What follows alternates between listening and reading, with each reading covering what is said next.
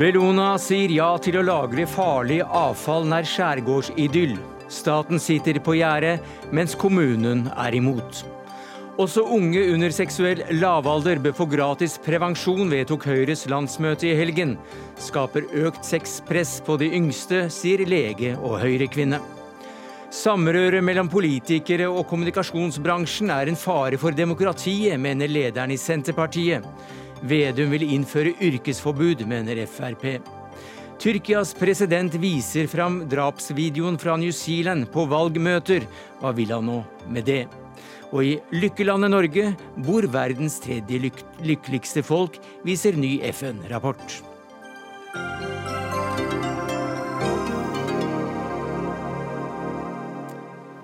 Det er noen av sakene i Dagsnytt 18 denne onsdagen, der vi også tar en runde om at staten bør innføre en liste over gode og mindre bra omsorgsinstitusjoner. Men vi begynner med giftig idyll. For nok en vanskelig sak om deponering av ugreit avfall ligger på regjeringens bord. Denne gang dreier striden seg om et mulig nytt deponi for farlig avfall i Brevikgruvene i Porsgrunn kommune. Kommunen har sagt nei, men bedriften som vil stå for lagringen NOAH, har bedt staten overprøve kommunens standpunkt. Og hva sier du til det som ordfører i kommunen, Robin Koss?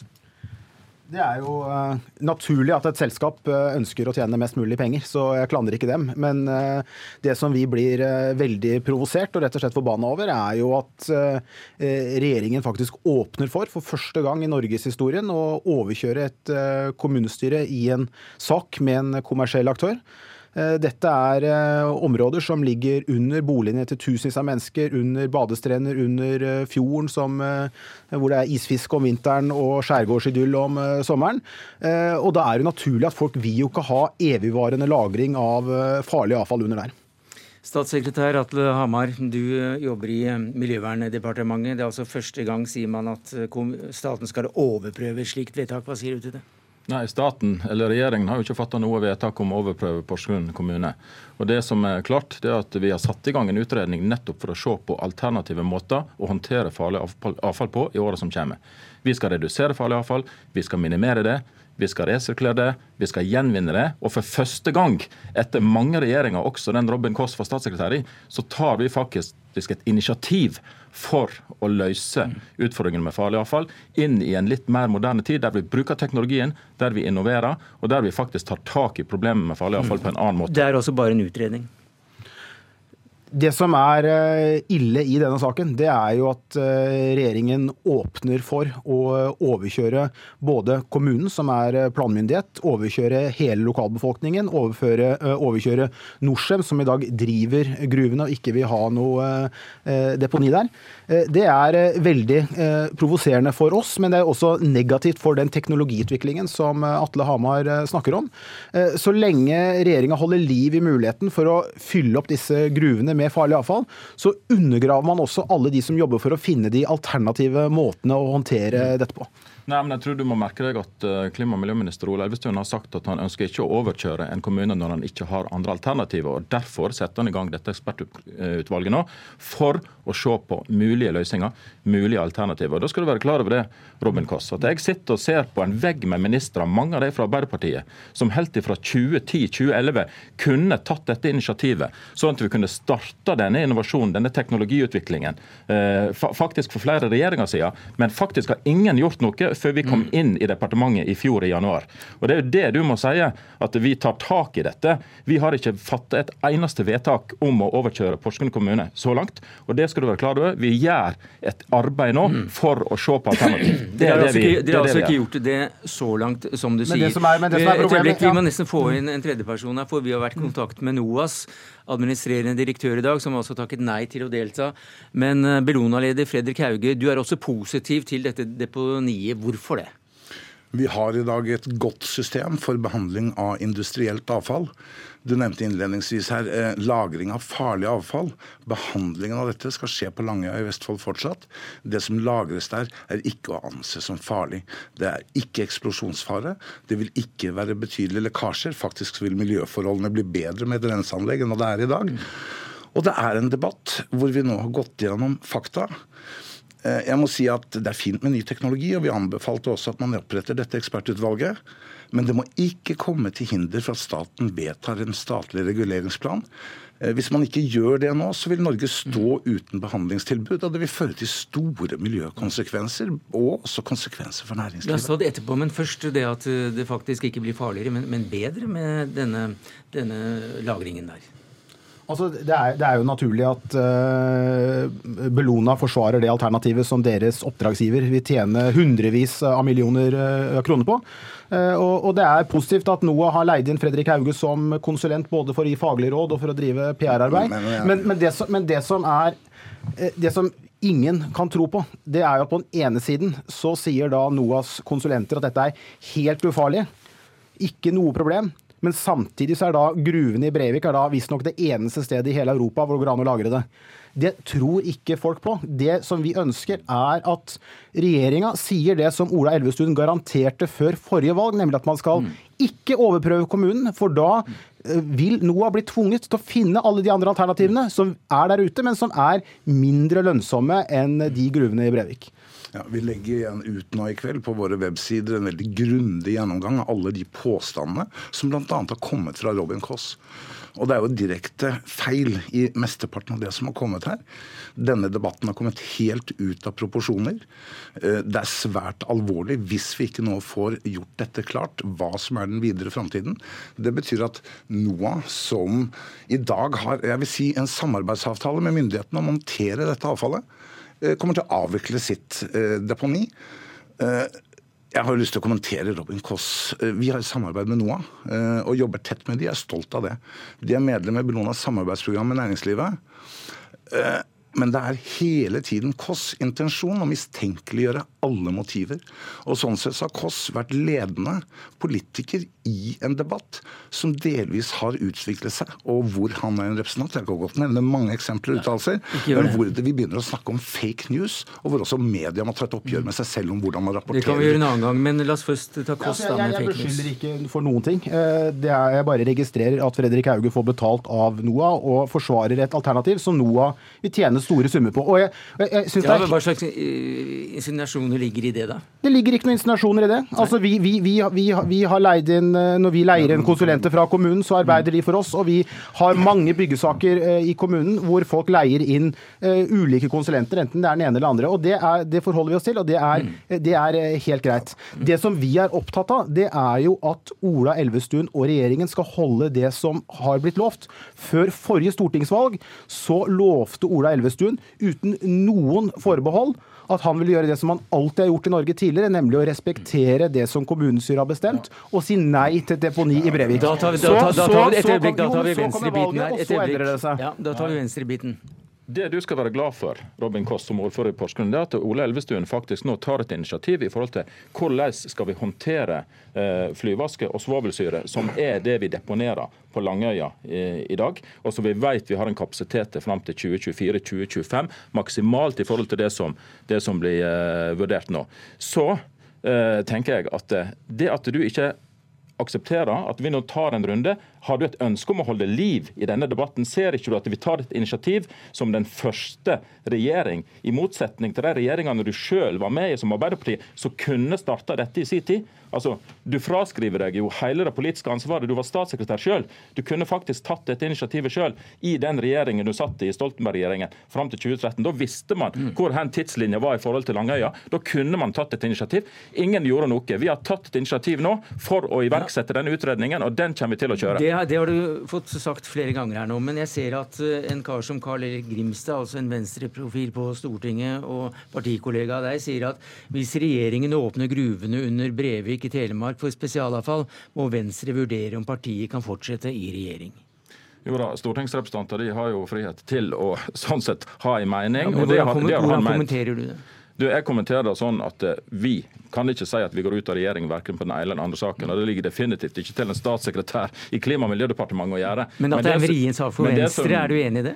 Det er en krevende sak i forhold til hvordan vi skal mm. deponere farlig avfall, men vi skal ta det ansvaret. At vi skal vurdere og mm. finne de gode løsningene for hvordan vi skal håndtere farlig avfall fra Kronos Titan og en god del andre mm. bedrifter i dette landet som trenger uh, dette deponiet. Og så skal vi bruke disse ressursene til å resirkulere og skape nye verdier, nye produkter. Men dette går ikke raskt nok, ifølge deg, Hauge?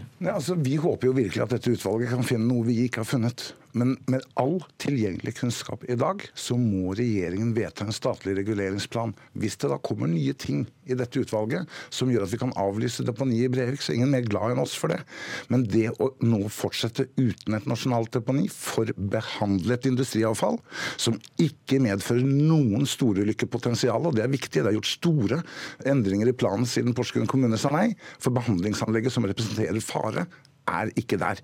Så vi står i en svært alvorlig diskusjon, og jeg er jo også bekymret både da for Kåss og litt også Miljødepartementet her, som tror at denne nye teknologien skal hindre oss i å få et nytt deponi. Jeg håper jeg har feil, de har rett, men det er ingen faktagrunnlag som tilsier at det er tilfellet. Så din kritikk av regjeringen i denne saken, det er da?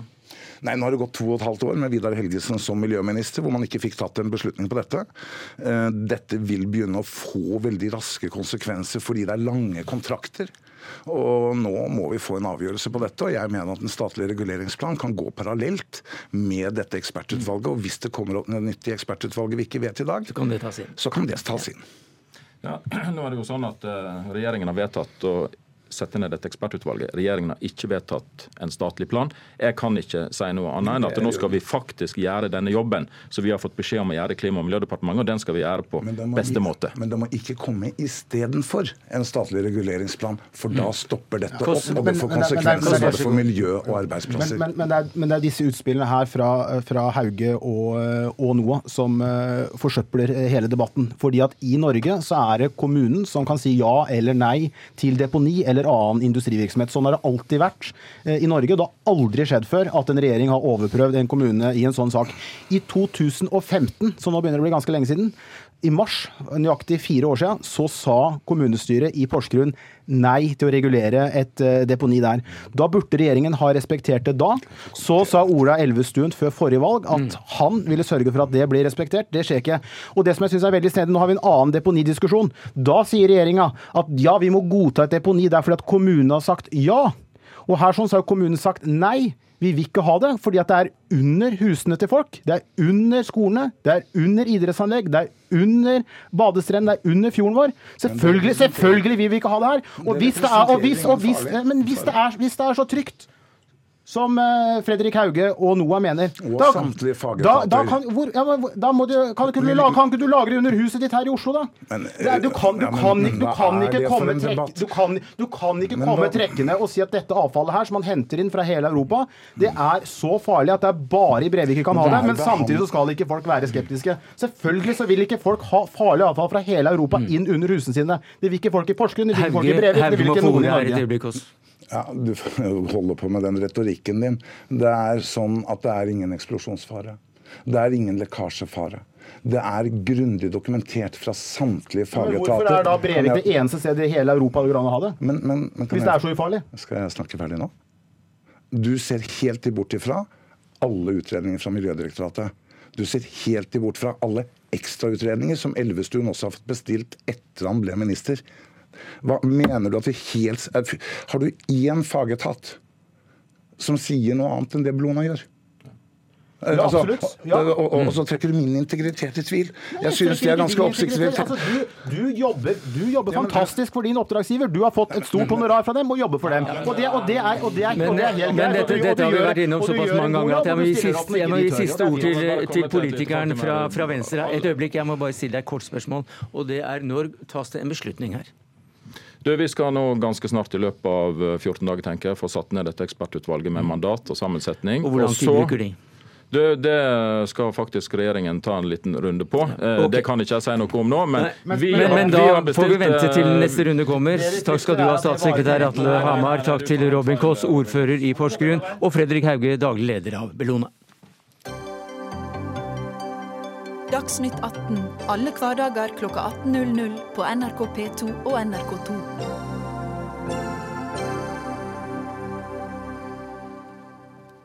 Hvorfor vil du ha et eh, tettere skott eh, mellom kommunikasjonsbransjen og politikerne, Trygve Slagsvold Vedum? Det har blitt en millionindustri. Altså Du kan kjøpe deg innflytelse med å, hvis du har penger, bruke First House Sync et annet byrå. Og så gjennom det da ha tilgang til eh, politikere og det nettverket som ekspolitikere har hatt. Og jeg mener det er en uting. For det norske folkevalgte skal tjene det norske folk. Og folk som stemmer inn f.eks. stortingsrepresentanter fra Senterpartiet inn på Stortinget skal være helt trygge på det. og Derfor har jeg sagt krystallklart til eget parti at det er helt uaktuelt. Hvis du har jobba som rådgiver f.eks., går inn i ta First House, da, som heter de kjente firmaene, at du da skal komme tilbake inn i regjeringsapparatet. For da har du eh, valgt den veien, og det, det må være greit at folk gjør det. Men, det fall, men, da har du valgt deg bort fra politikken. For vi kan ikke stille oss sånn at det kan bli sånn at hvis du har mye penger, så kan det påvirke politikken i mye større grad enn hvis du har lite penger. Mm. Hva sier du til det, Morten Wold, du er stortingsrepresentant for Frp? Jeg skjønner jo at eh, Vedum forsøker å lage litt oppspill til sitt eget landsmøte, men dette han gjør nå, med å prøve å innføre et yrkesforbud for eh, en gruppe kommunikasjonsrådgivere som eh, gjør et ærlig arbeid i samfunnet vårt, det har jeg ikke noe til overs for. Jeg skjønner heller ikke hvor han har tenkt å sette grensen. Eh, fordi det er mange som eh, arbeider tett opp mot eh, næringsliv og bedrifter, og som kan ta valg til Stortinget. Advokater er et eksempel. De har hemmelige kundelister. Hvem er det han ønsker å ramme? Skal det gjelde begge veier? Skal det gjelde når politikerne også går andre veien, til kommunikasjonsbyråene? Mm. Hvordan har han tenkt å håndheve dette her? Vedum? Nei, Det blir veldig enkelt, egentlig. for at Så lenge partiledelsen Senterpartiet er krystallklare på det, så er det ja, har du valgt å gå inn i den industrien som nå har blitt millionindustri, som bare har ett eneste formål, å påvirke politiske beslutninger, så har du valgt deg bort fra en videre karriere i Senterpartiet. Og Det er et standpunkt vi har og er tydelige på, for jeg ønsker å gjøre det jeg kan for å bygge den industrien ned. Og Det som er helt utrolig òg, er at mange av de, deres kunder er sånn halvoffentlige penger som går inn i f.eks. sånn som Synk, da, så ble SSB brukte penger på det firmaet for å takle en krise mot sitt eget finansdepartement. Eh, fordi at man skulle takle en mediestorm. Det er en vanvittig bruk av skattebetalernes penger. Og vi kan ikke ha en utvikling der flere og flere går mellom politikk, PR, politikk og tilbake til politikken. Eh, og det, det, er en brudd på den tradisjonen mm. vi har i Norge, med men, sterke folkevalgte, sterk folkevalgt tradisjon. Men vi hører jo da eh, at Vold mener at det bør da settes en grense, og du setter grensen hvor?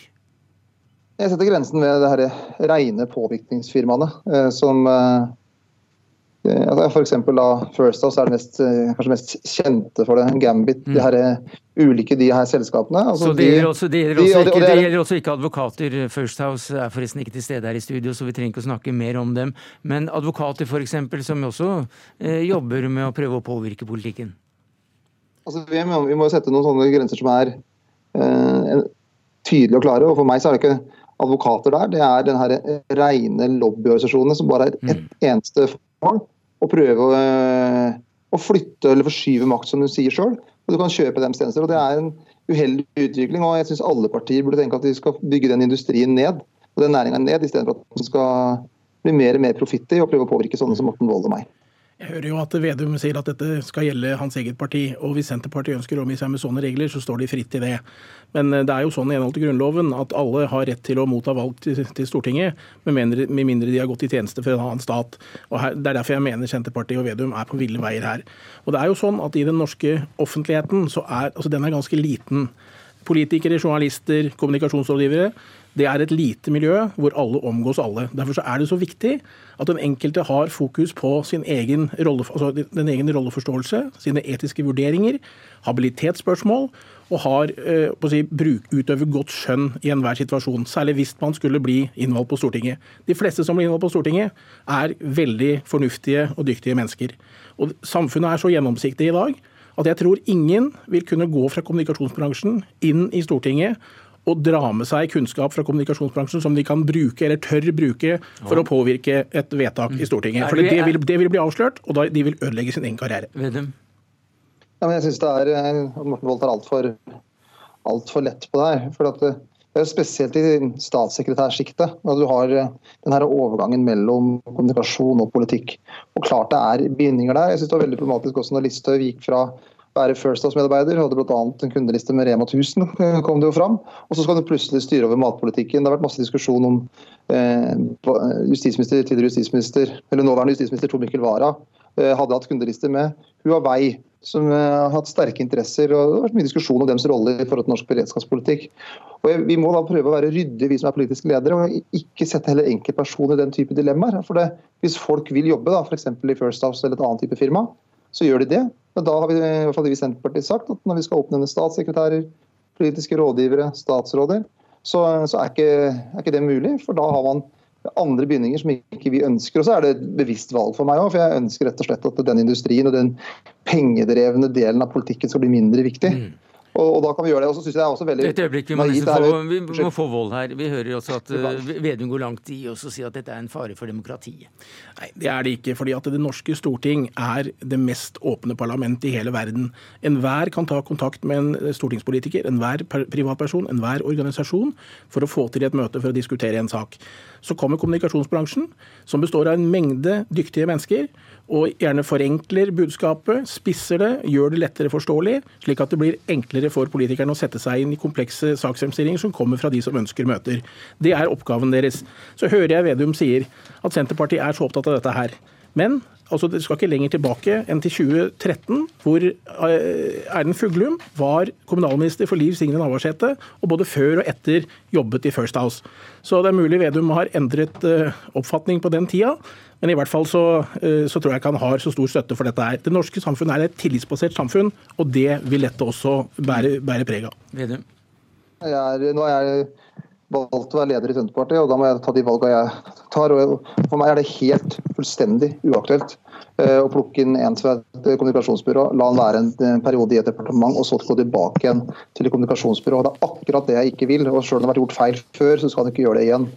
Eh, og Det er den tydeligheten jeg håper at flere politiske ledere nå kan si, så at vi kan eh, komme den negative utviklingen til livs. og Det er ikke noe bra når Morten Wold sier at det er så tette bånd mellom politikere, kommunikasjonsbyrå og presse. og Jeg synes også det er en negativ utvikling. sånn er det Sommerfestene der noen kommunikasjonsbyråer måtte servere gratis alkohol og fest og moro uh, for å prøve liksom å smøre folk. Jeg vil ikke ha det sånn. Vi vil at det skal være et aktivt folkestyre der vi reiser ut, møter folk, og der det er det folkelige engasjementet som skal være det drivende. Og Da bør egentlig alle vi som er på Stortinget. Se hvilke grep kan vi gjøre som gjør at pengene får mindre innflytelse, og det folkelige engasjementet får mer innflytelse. Og lobbyindustrien i EU og USA er helt enorm. Og vi kan ikke se det som et mål å gå den veien. Kort. Ja, nei, altså, eh, Vi kan godt diskutere disse sommerfestene, men jeg tenker at det er ikke noe forskjell på om et kommunikasjonsbyrå inviterer til sommerfest, eller om Bondelaget gjør det. Mm. Og Jeg har trukket fram før. Ledere i organisasjonslivet som påvirker politikken år etter år etter år, mm. skal de kunne velges. Advokater nevnte innledningsvis. Vedum klarer ikke å sette en grense. Eh, og jeg har også brukt tidligere Nils Bjørke, som var leder i Bondelaget, påvirket politikken i mange år. Innvalgt på Stortinget, sitter i presidentskapet. Selvfølgelig skulle han ha rett til å bli valgt. Men den grensen, det må jeg sette. Takk skal du ha, Morten Wold, stortingsrepresentant for Frp, Trygve Slagsvold Vedum, partileder i Senterpartiet.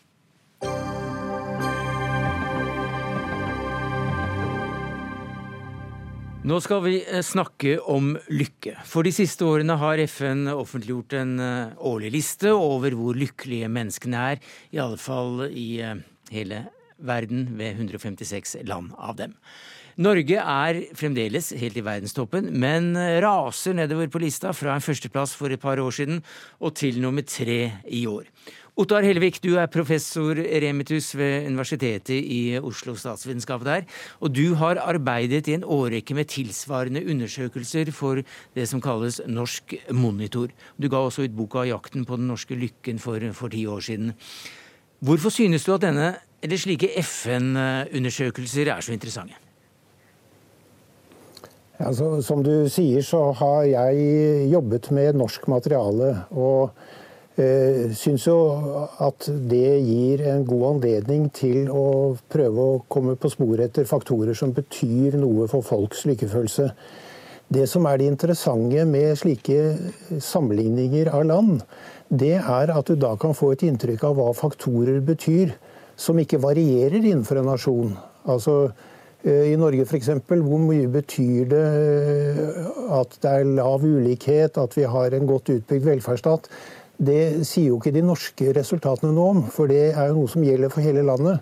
Men når vi begynner å sammenligne mange land, med de problemene som knytter seg til slike sammenligninger, men allikevel så kan det sette oss på sporet etter eh, egenskaper ved samfunnet som er viktig for lykkefølelsen. Ja, Hvilke spor er det du ser i disse undersøkelsene? Ja, det som, eh, det som, er jo et veldig markert trekk, det er jo I og for seg så, så er det jo slik at eh, det er eh, rike land på toppen og fattige land på bånn. Og selvfølgelig land med store konflikter, sånn som Sør-Sudan, Afghanistan. De er, ligger omtrent helt, helt i bunnen av lista. Slik at det er en del åpenbare ting. At dette har med økonomi å gjøre, og det har med med eh, samfunnstilstand når det gjelder fred og vold og uro. Eh, men det som, eh, når vi ser på de øverste landene hvor altså alle de nordiske landene er med i topp åtte, og hvor de andre landene som er med på den, i den toppkategorien, er små land som Nederland, Sveits og New Zealand, så, så, er det tydelig at her har det kan, Det kan tyde på at eh, rett og slett størrelse kan ha noe å si. Eh, men ellers så er jo disse landene kjennetegnet ved at de har eh, godt utbygde velferdsstater, og, og de fleste iallfall ganske små økonomiske forskjeller. Så det, det, er da noe av det en kan lese ut av en slik oversikt. Ja, når du måler lykke og har gjort det i, nå i flere tiår, egentlig, så så hva måler du da? Altså, hvilke spørsmål er det du stiller? Hvilke indikatorer er det du bruker? Det, det, som, det, som, vi gjør, eh, og det er jo en ganske enkel tilnærming, kan du si, da, det er i Norsk Monitor så spør vi folk vil du stort sett si at du føler deg meget lykkelig, ganske lykkelig, ikke spesielt lykkelig eller slett ikke lykkelig. Og eh, I denne internasjonale undersøkelsen så brukes det skalaer fra 0 til 10, hvor man skal plassere seg da i forhold til Eh, hvordan en føler seg. Eh, I denne, eh, denne undersøkelsen her, så, så, vidt jeg har forstått, så brukes det spørsmål om at man skal plassere seg i, i forhold til hvorvidt en lever liksom det best tenkelige eller det verst tenkelige liv. Så det går på, på en måte tilfredshet med livet, som er noe litt annet enn en lykkefølelse. Og det som, Noen vil jo synes at dette, dette kanskje er en litt eh, overfladisk måte å gå fram på, men poenget er, viser det seg, for det første at folk ikke har noen problemer med å svare på et slikt spørsmål. Det er nesten ingen som lar være å svare. Og for det andre, når vi så begynner å se på eh, hvordan eh, denne lykkefølelsen henger sammen med ting vi regner med må være viktig for lykke, f.eks. helse, så er det veldig klare sammenhenger. Og, Det forteller oss da at uh, hva folk svarer på et slikt spørsmål, faktisk gir oss uh, grunn til å tro at det avspeiler noen realiteter. Og Det vi så kan gjøre, det er jo da å se på hvordan denne lykkefølelsen varierer mellom ulike grupper. Og på den måten danne oss et bilde av hva det er som påvirker lykkefølelsen. Og Det du eh, finner da, det er at jo, det er viktig å være rik og frisk. Det er, det er bedre enn å være fattig og syk. er det sånn? Helt klart, altså Økonomi betyr mye. Eh, Men ikke for mye, sier du? Som du Nei, ikke altså Det er andre ting som betyr faktisk mye mer. Hva da? Eh, og, og det, er, det, er, Noe av det aller viktigste er eh, ens sosiale relasjoner. Altså at man bor sammen med andre familiemedlemmer, at en er fornøyd med forholdet sitt til de nærmeste. Det er faktisk det som kommer aller høyest og betyr mer. Enn en, en penger. Men, men går det an også... Jeg må nesten bryte av, for vi begynner å nærme oss slutten, dessverre. Ja. Men, men, eh, det som slår mange, det er jo at det må være veldig vanskelig å måle lykke på tvers av både grupper og land. Altså, det er en individuell følelse som plutselig måles opp mot hverandre. Det kan du si, men, men som sagt, det er, helt, det er, helt, klart når en ser på hva slags mønstre som kommer fram, at uh, det, det, folk svarer på det spørsmålet, avspeiler Eh, realiteter og, og, gir interessant innsikt som kan være viktig i, i, mange sammenhenger når det gjelder hva er det eh, ved ens eget liv og ved samfunnets organisering som kan bidra til og øker sjansen for å føle seg lykkelig og tilfreds med livet. Men for eh, to-tre år siden så lå Den sentralafrikanske republikk helt nederst på denne lista. Og da jeg var der, så spurte folk om, om hva de synes om akkurat den måling. Så skjønte de ikke hva jeg mente, fordi at de følte seg jo ganske lykkelige. Ja. Den, nå ligger de nest nederst. Ja, bare Sør-Sudan under seg. Så, så de har ikke forbedret mm. posisjonen. Mm. Men, men Nei, du, helt, helt, kort, helt kort til slutt, Ellevik. Jeg må nesten avbryte deg der igjen, beklager. Men, men finnene Finnene ligger på topp. Det er ikke akkurat det bildet du får av finner fra, norsk, eller fra finsk TV-teater og, og filmer etc. Nei, men det, det viser at, eh, at det ikke nødvendigvis eh, det inntrykket er det man skal bygge på. Men, men poenget er jo at forskjellene mellom, mellom Finland, Danmark, Sverige, Norge, Island er veldig små. Så en skal ikke legge for mye i, i den eh, lille forskjellen som er der. Takk skal du ha, Ottar Hellevik, lykkeforsker og professor emeritus ved Universitetet i Oslo ved statsvitenskap. Música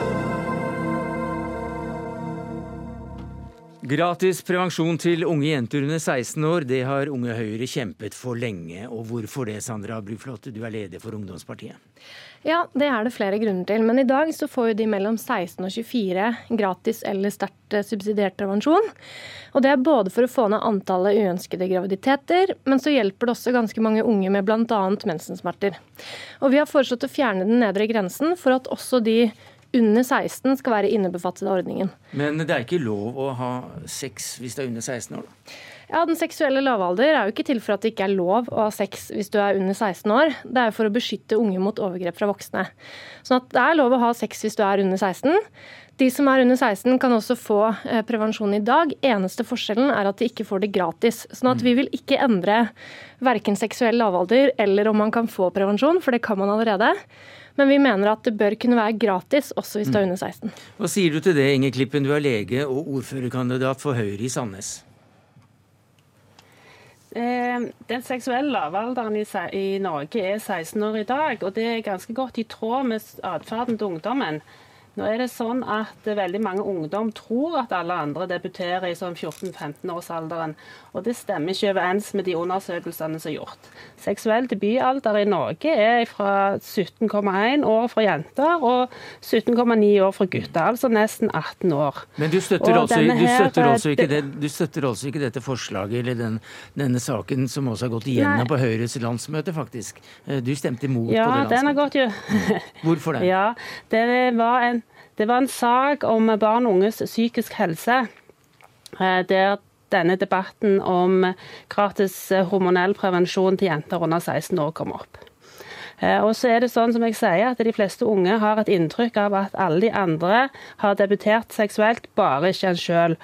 Og at en da legger et større press på seg sjøl, og et opplever et seksualisert press før en er 16.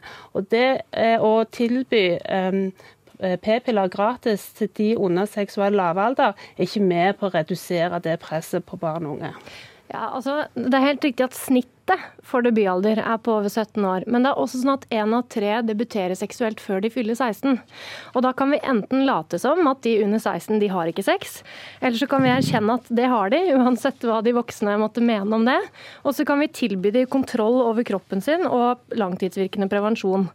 Og så er det også sånn at Når man i dag kan få gratis prevensjon av å gå til fastlegen, så sier jo dette også noe om at dette burde være et insentiv for unge mennesker til å nettopp oppsøke lege, snakke om seksualitet, snakke om kropp. Og så er det også sånn at jeg, for eksempel da, så fikk jeg en melding fra en mamma fredagen på landsmøtet som sier Ser du kjempe for gratis p-piller også for de under 16? Bra. Min datter er under 16 og må ha p-piller for å redusere sterke smerter ved menstruasjon, ikke som prevensjon. Hun ler litt når hun må betale, mens det er gratis for de som er eldre. Alt dreier seg ikke om sex for ungdommen.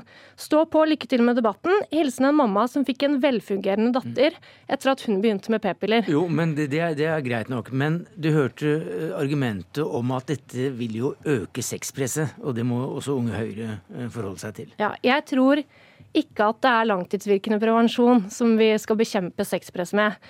Du kan gå inn til helsesykepleier nå og få gratis kondomer når som helst.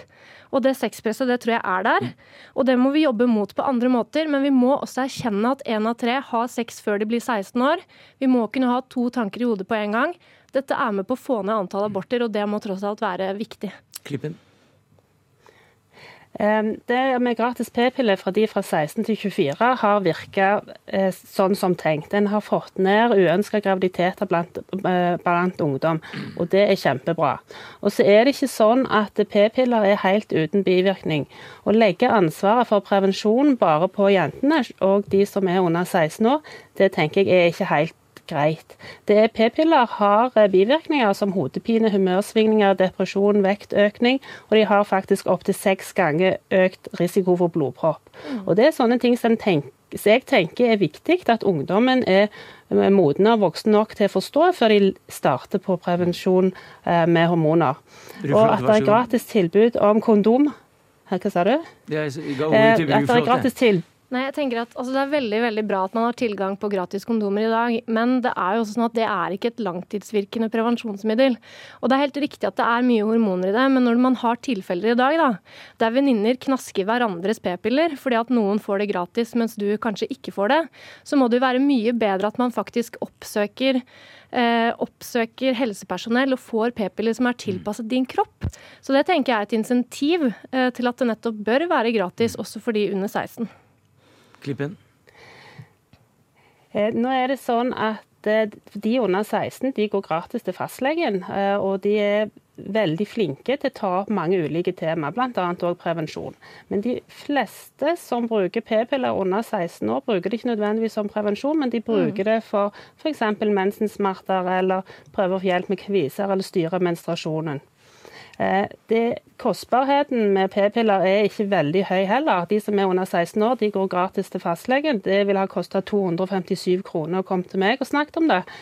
Mens eh, tre måneder med p-piller, det koster rundt 87-88 kroner. Altså gjerne 350 kroner i året for eh, p-piller til ei jente på 16 eller 15 år. Mm. Men, men, nå har, nå har også det, da, nå, kjem... Unnskyld at jeg avbryter deg igjen, men du sitter i Stavanger og det er litt forsinkelse på linjene her. Men nå har altså Høyres ja. landsmøte vedtatt uh, dette, og hva blir da neste kamp? Tror du du får dette gjennom i regjering? Eh, jeg håper jo det, men jeg vet at det er både litt skeptiske stemmer i både Frp og kanskje også KrF. Men jeg tenker at sant, vi er enige om at antallet aborter må ned. Vi er enige at det er bra at jenter har kontroll på seksualiteten sin. Sånn at dette er i hvert fall noe man burde vurdere. Fordi unge har sex også selv om vi måtte mene det er feil. Også når de er under 16. Og det er veldig lite logikk egentlig i at staten skal si at dersom du er 23 eller 24, da skal vi gi deg billigere prevensjon. Er du 15 år, ja da må du betale sjøl. Sånn at jeg håper man i hvert fall kan være med på å se på at dette handler ikke om moral, det handler om å gjøre ting litt lettere for jenter under 16. Men hvor får de sin råskap fra? Ja, det skrev uh, en kjent norsk forfatter allerede for 40 år siden. Takk skal du ha, Sandra Bruflot, leder i Unge Høyre. Inger Klippen, lege og ordførerkandidat for Høyre i Sandnes. Hør Dagsnytt 18 når du vil. Radio NRK Radio.nrk.no.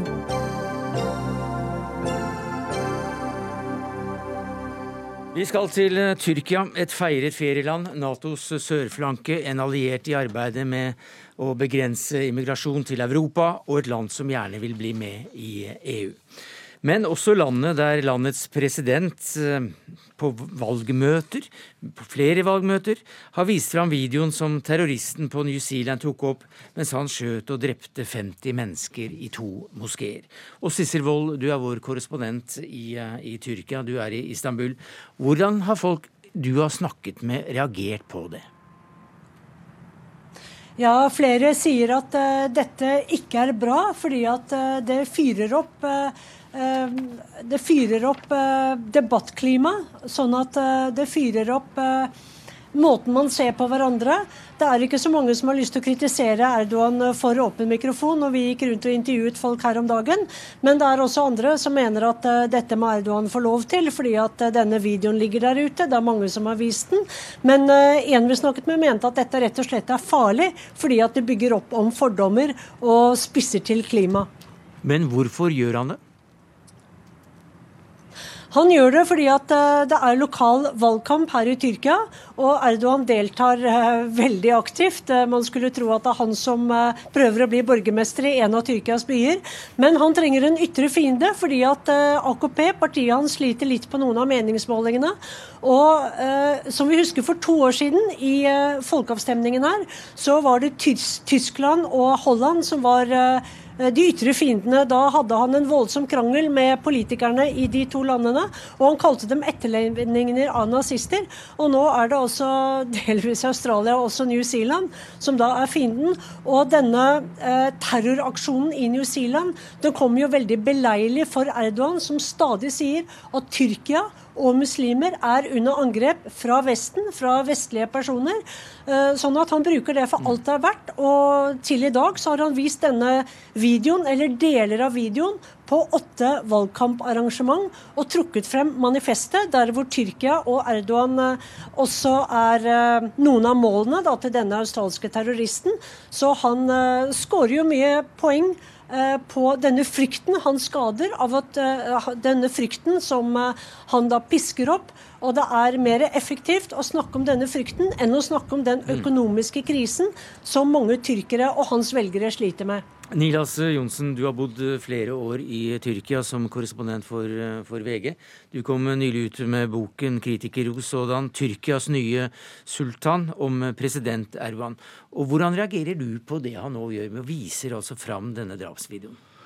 Jeg er ikke overrasket over at Erdogan gjør dette. Eh, som Sissel påpekte, han gjorde det samme i 2017 for å piske opp stemningen. Sendte bevisst eh, en statsråd inn i Nederland etter å ha fått vite at hun ikke var velkommen. Da hun ble sendt ut, så var det full for ordet.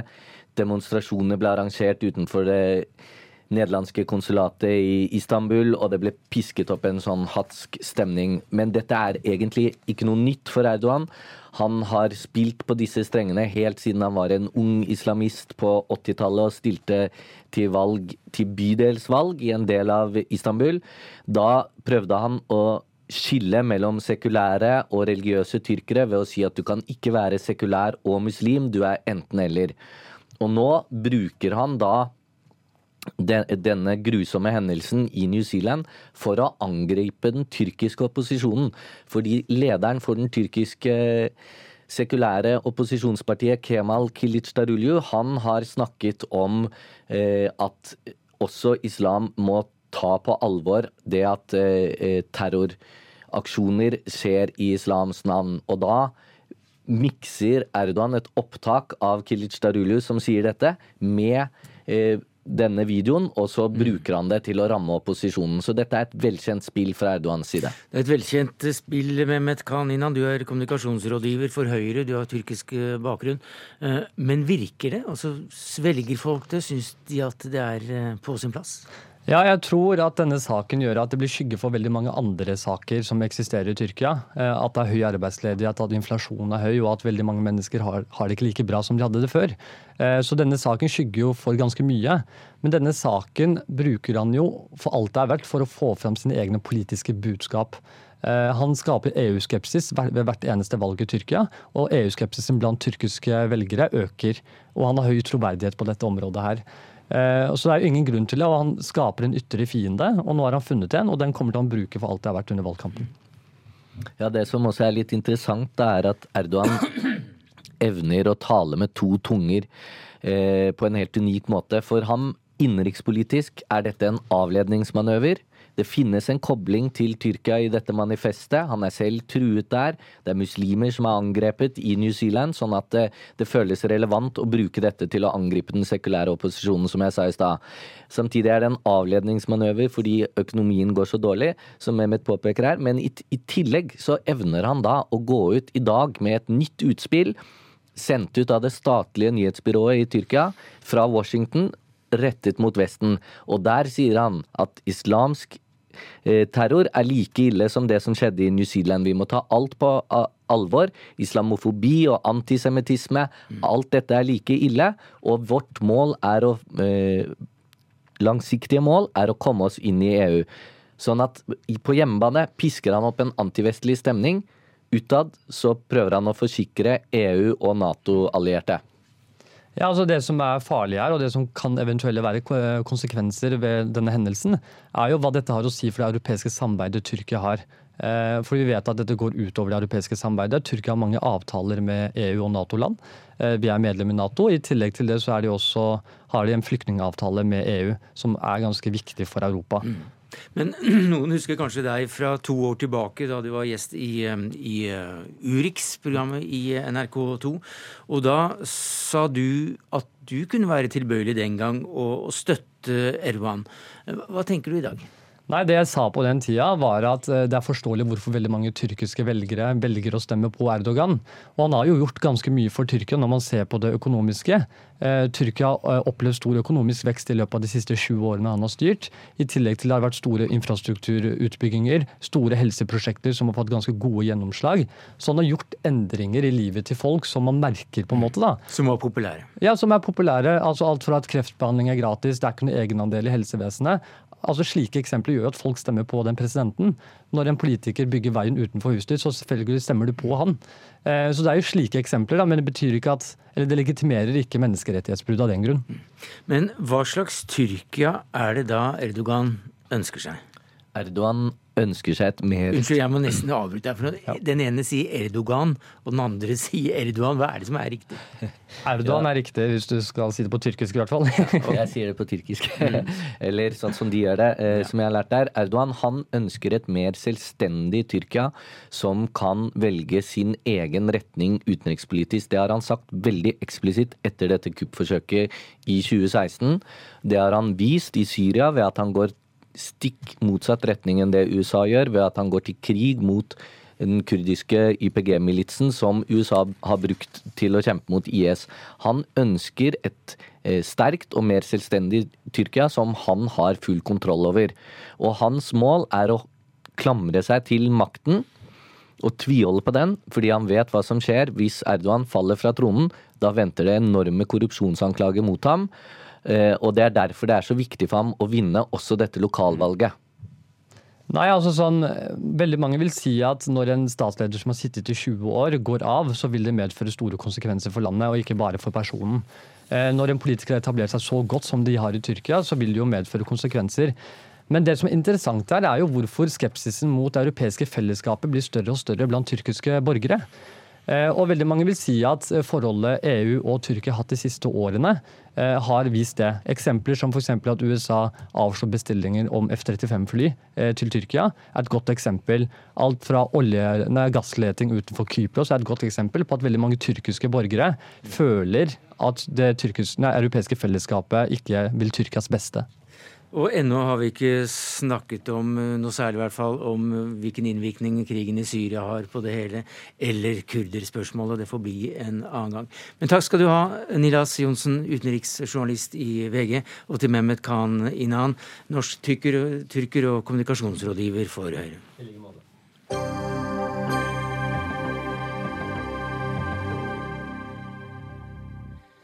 Noen husker kanskje datteren som opprørt fortalte oss i eh, Dagsnytt 18 i forrige uke om at på sykehjemmet til moren ja, så hadde de klippet over denne alarmsnora og festet en, eh, en eh, juksesnor til veggen uten noen funksjon i det hele tatt.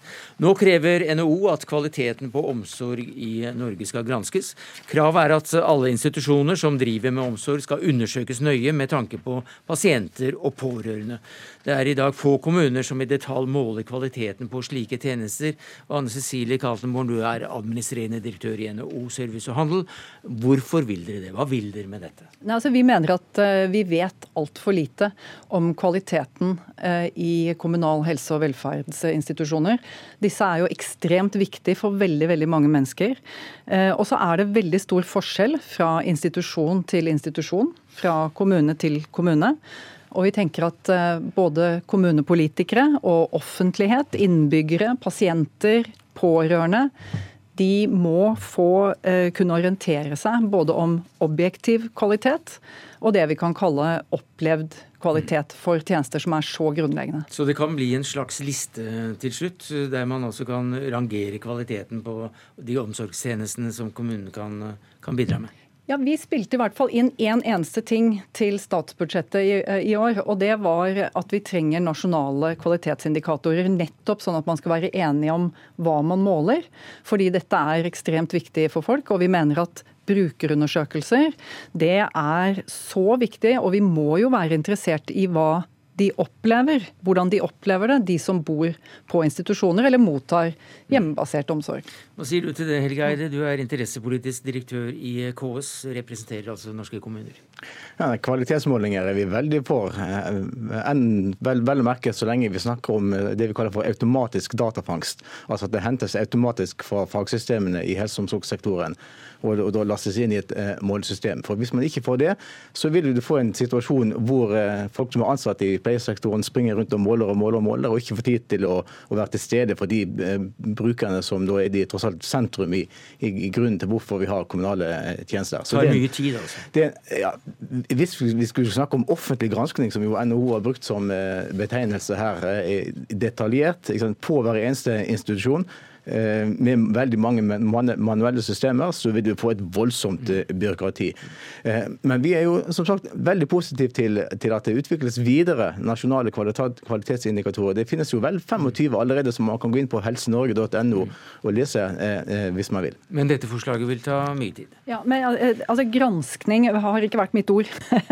Jeg har vært tatt til orde for at vi må ha kvalitetsindikatorer. Vi må måle kvalitet i kommunal helse og omsorg. En granskning er eh, å, å, gå inn på noe helt annet. Men jeg tenker at eh, kommunene også, jeg forstår at KS ikke kan pålegge noen eh, dette, men det at vi har denne kunnskapen, og at man ikke bare er opptatt av hva som kan genereres automatisk, men at man også er opptatt av, av opplevd kvalitet, eller subjektive indikatorer, når vi vet at 80% av de som bor på sykehjem eh, på et tidspunkt får kognitiv svikt. Da må vi være opptatt av også hva de pårørende opplever. og Det er jeg glad for det har vært en del fokus på i det siste. Men nå, nå trenger ikke KS, KS, pålegge noen kommuner noe som helst. fordi Kommunene er jo selv levende interessert i, i, best mulig måling av kvalitet eh, på de tjenester som de gir til innbyggerne. Det, det, er de opptatt av når vi snakker om institusjon, og det er de opptatt av når vi snakker om alle andre kommunale pleie- og omsorgstjenester. Og Det er kanskje en liten svakhet med, med NHO sitt forslag her, at man snakker kun om institusjoner. Vi vet jo at, at, eh, sånn som det er i dag, så er jo skillet mellom institusjon og egen bolig og omsorgsboliger det er veldig flytende. Så man kan ikke snakke om målsystemer kun for institusjoner. Man må snakke om måling som gjelder personer, enten de bor i institusjon, eller de bor i eget hjem, eller de har andre, andre boformer. Og så er det også, tror jeg, veldig... vi må nesten eh, få en ja, altså, Det skillet er nytt for meg. Jeg har vært opptatt av helse- og velferdstjenestene i kommunen. Det er de som er viktige, det er de vi trenger å ha informasjon om. og både private og offentlige? Både private. Alt mm. som er finansiert av kommunen, er jo, eh, er jo kommunehelse. Mm. Og så tror jeg Et eh, viktig poeng til, og det er at vi kan ikke måle absolutt alt heller. Det er en fare for liksom at man kan bikke over og kun snakke om måling. Men vi vet jo at, at, opplevd kvalitet er avhengig av veldig mange andre viktige faktorer. Det er veldig avhengig f.eks. av at et levende arbeid for etisk kompetanseheving, for et etisk dialog i helse- og omsorgstjenestene. Vi vet at det er veldig avhengig av hvordan man eh, forholder seg til, til pårørende og til brukere. At man stiller spørsmålet hva er best for deg, eller hva er viktig i din hverdag. Så det, altså, det er viktig å måle eh, trykksår og ernæring og, og sånne såkalte objektive ting. Det er viktig å måle hva pårørende sier, og det er viktig å jobbe med, med, med, med etisk kompetanseheving, med, hvordan man møter de enkelte. Alt dette kan ikke måles, men det er summen av det som skaper kvalitet i de kommunale omsorgstjenestene. Anne Bramo, vi må ha med deg som statssekretær i Helse- og omsorgsdepartementet for Frp. Hvordan stiller regjeringen seg til eh, dette forslaget om en eh, nøyere vurdering av eh, omsorgsinstitusjonene? Nei, altså Vi er alle enige om at vi skal ha en verdig og trygg eldreomsorg. Og det satses på kvalitet eh, i ganske stor stil, vil jeg si nå. Eh, og Riksrevisjonen har jo nettopp gjort et godt stykke arbeid med gjennomgang av eldreomsorgen i Norge. Og den gjennomgangen stemmer veldig godt overens med de forarbeidene som er gjort til kvalitetsreformen Leve hele livet, som vi la fram i høst, og som fikk en tverrpolitisk oppslutning. Og det er altså stemmene fra grasrota. Det er ansatte, det er brukere, det er pårørende som har sagt, eh, altså som har identifisert hvor er det det svikter mest. Men spørsmålet mitt var også, spørsmålet mitt var også hvordan stiller du deg til eh, NHOs forslag? Nei, Vi jobber jo systematisk med kvalitetsindikatorer. Vi har jo 25 stykker nå, og vi får jo stadig flere. Og Kommunene har et forsvarlighetskrav, og man jobber med pasientsikkerhetssystemer, man jobber med kvalitetssystemer osv. Så videre, sånn at jeg mener at vi er i veldig god gang eh, på dette som mm. handler om å utvikle kvalitet og kvalitetssystemer. Kaltenborn må nesten få svare på det. Ja, og det, det, er, det er jo kjempeviktig, det arbeidet der. Men Forbrukerrådet har jo satt fokus på en veldig viktig ting. Og det er at det er bare per i dag halvparten av kommuner som gjennomfører brukerundersøkelser. Og enda langt færre publiserer resultatene av dem, slik at lokalpolitikere og pasienter og brukere kan få tak i dem.